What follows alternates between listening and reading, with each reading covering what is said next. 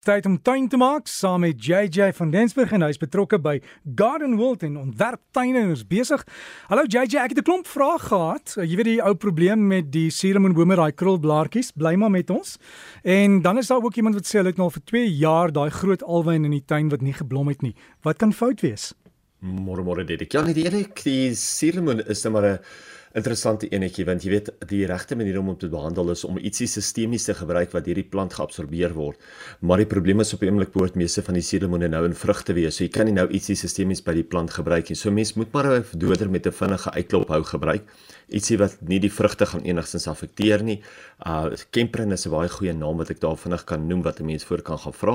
Maar daar is 'n geweldig baie mense wat net 'n gewone wilde knoffel bedding om daai hele suurlemoenboom maak en so help dit om ook van die insek ontslae te raak. So as jy byvoorbeeld 'n meter, meter en 'n half uh radius uh wille knoffelbedding om die om die boom self kan maak, gaan jy ook vind dat jou suurlemoen probleme baie minder gaan wees as dit kom by daai klein insekkie. Maar indien nie as jy nie die wille knoffel het nie of as dit nie tot jou beskikking is nie of as hy in 'n pot is of so, probeer eerder om hom aan die einde van die seisoen nadat hy gedra het met 'n sistemiese doder te behandel, maar vir nou kan jy vinnig die kemperin gebruik. Onthou, plante wat nie blom nie, soos byvoorbeeld die wilde die die groot alwyn waarvan jy praat. Plante twee goed oor algemeen nodig om te blom. Son, genoeg lig en dan natuurlik ook kalium in die voeding. Nou Hoe kry mens kalium in die voeding? Ek praat altyd van die 815, ek praat altyd van flower power, iets van daai aard. Gee natuurlik geweldig baie kalium in die voeding. So, ehm um, onthou die 5 aan die einde is die kalium of 'n mens moet altyd ook net seker maak dat die plant genoeg son kry, maar dan moet ek ook in dieselfde asem sê, sekere plante gaan eers blom as hulle volwasse genoeg is. Jy weet nie alle plante gaan vir jou dwars hierdie jaar elke jaar blomme gee nie. So maak seker dat jy hom nie te nat hou nie. Moenie vir hom te veel water gee nie en gee vir hom so elke 3 maande of so gee vir hom daai kalium dat wanneer hy begin blom dat hy wel genoeg kalium in hom het om vir jou daai blomme te stoot. JJ en op jou lys, ek hoor jy papiere reg daar. Daar is hy net so direk. Ja, soos jy en ek laasweek gepraat het, kan ek maar seker sê soos, soos ons laasweek gepraat het, is daar steeds geweldig baie mense wat hulle blare onder die bome oppark en dit net eenvoudig weggooi. Dit is nogal interessant hoeveel sleepwaens vol blare mense al klaar sien wat rondry wat die mense net die blare eenvoudig gaan weggooi. Nou twee goed wat mense met die blare kan doen, wat natuurlik baie beter is, is natuurlik om kompos van die blare te maak of die blare as 'n deklaag in die beddings te gebruik. Kom ons kyk net gou eers na die kompos.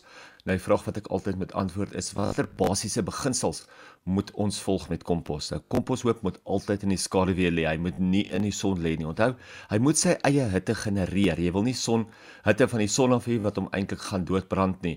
Ek weet as mense kyk na die groot kompos plase, hulle kan nie anders nie. Hulle moet hom in die son lê, maar hulle gooi hom so dik dat hy in elk geval sy eie hitte genereer. 'n Komposhoop moet ook genoeg suurstof kry natuurlik baie blare en takkies opgerolde koerante, kartonne en wat ook al kan 'n mens in die hoop inwerk, maar 'n mens moet baie min grassnysels in die hoop inwerk want onthou jou grassnysels kompakteer en gewoonlik 'n jaar of 2 later maak 'n mens die hoop oop en dan sien jy maar hierdie kompos wil net nie afbreek nie, maar is omdat hy nie genoeg lug het nie. En dit is ook hoekom die derde ene ons met die kompos hoop gereeld nat gooi.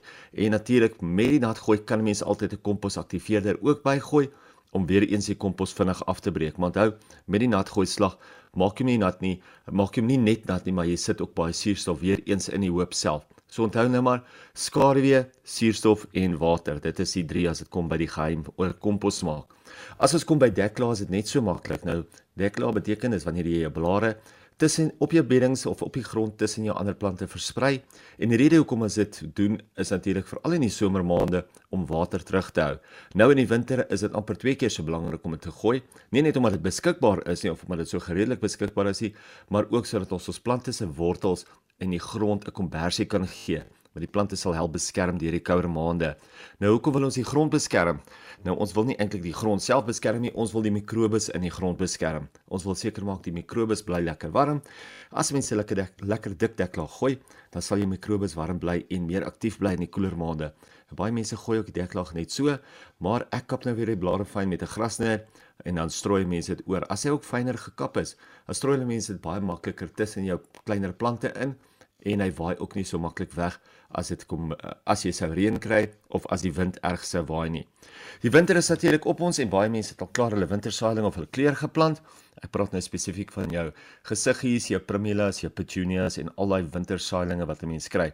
Nou iets wat ek gereeld sien dat mense nie in ag neem nie is dat die verskillende hoogtes wat die plante word. Het sy dit nou saailinge is, meerjarige plant of struike is, die probleem kom baie keer in dat as mense jou plante koop, dat hulle nie altyd volwasse genoeg is dat jy weet hoe groot hulle groei nie en dan eindig jy op om die plante plant wat hyde groter is agter en die kleiner is vorentoe en dan groei die voorsien die kleiner een ag die groot die agtersien natuurlik dood.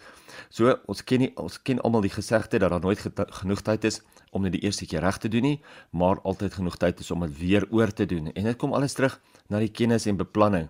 Gesels bietjie met iemand by die kwekery, kry daai tuinbekundige om jou net met die uitleg te help of vir jou te sê wat moet 'n mens voorplant, wat moet 'n mens agterplant, hoe kan 'n mens jou bedding reg beheer of reg uitlê, reg beplan. Derek, ek het 'n ongelooflike lekker tyd hierdie week gehad onder in die Kaap en ek sien baie mense was baie jaloers geweest en gevra wanneer kom jy na ons toe? Nou hierdie naweek wat nou kom, gaan ek bietjie 'n vetplant werkswinkel daarbo in Nelspruit doen en dit is natuurlik vandag oor 'n week. So as jy wil deel wees van daai ene, gaan loer bietjie op die Facebook, um Gardens by Judges se Facebookblad en dan sal jy sommer sien die vetplantraamwinkel wat ons gaan doen of vet, vetplantraamwerkswinkel wat ek gaan doen met al die besonderhede daarop. Ons plant van die week vir hierdie week is een van die bekendste plante naamlik 'n wilde piesang en dit is die Strelitzia, maar dit is die Nicolai variëteit. Dit is natuurlik die ene wat nie die oranje blomme maak nie, maar die groot wit blomme maak. Nou vra mense hoekom maak ek om die plant van die week? En ek maak 'n spesifieke plant van die week omdat dit 'n fantastiese binnesyse plant ook kan maak. Nou baie min mense plant hom binneshuis maar hy groei geweldig goed binne sy huis. En as mense kyk na foto's van Europa en baie gedeeltes van die res van die wêreld, as jy kyk na binne sy huis se plante, dan is dit een van hulle gunstelinge en hier by ons plant ons hom baie min binne. So ja, as jy 'n plant soek wat 'n lekker groot hoë fok fokale punt kan maak of 'n fokuspunt kan maak, dan kan 'n mens natuurlik hierdie plant binne in die huis ook sit. Plant kan buite vol son tot heelwat skaduwee ook hanteer wat hom lekker maklik veelsidig maak. Hy is gehard en hy groei so om en by enigiets van 2 meter 2 meter tot 6 meter hoog. Party mense sien groei nog 'n bietjie hoër. Maar as jy hom buite gaan plant, dan gaan jy weet jy gaan 'n lekker groot fokuspunt tropiese gevoel kry met hierdie groot blare. Hy is inheems en natuurlik ja, hy's een van daai plante wat net uitstaan in enige tuin. So gaan kyk bietjie uit jy spasie het vir hom, dan kan jy bietjie of binne of buite jou wilde piesang, jou Strelitzia nicolai plant. Hy wilde piesang is mooi, né, JJ?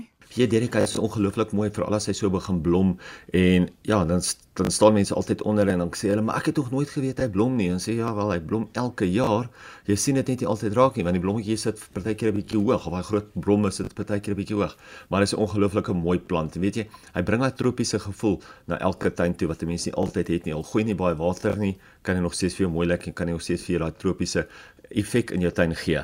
So gesels JJ van Densburg hy is uh, betrokke by Garden World en hy het ook sy eie Facebookblad. Hy gaan vir ons die foto's daar plaas en alles waar hy gesels het. Gaan loer by Gardens by JJ, dis sy Facebookblad, Gardens by JJ. Jy kan ook daarvan af met hom kontak maak en dan kan jy lekker tuin maak.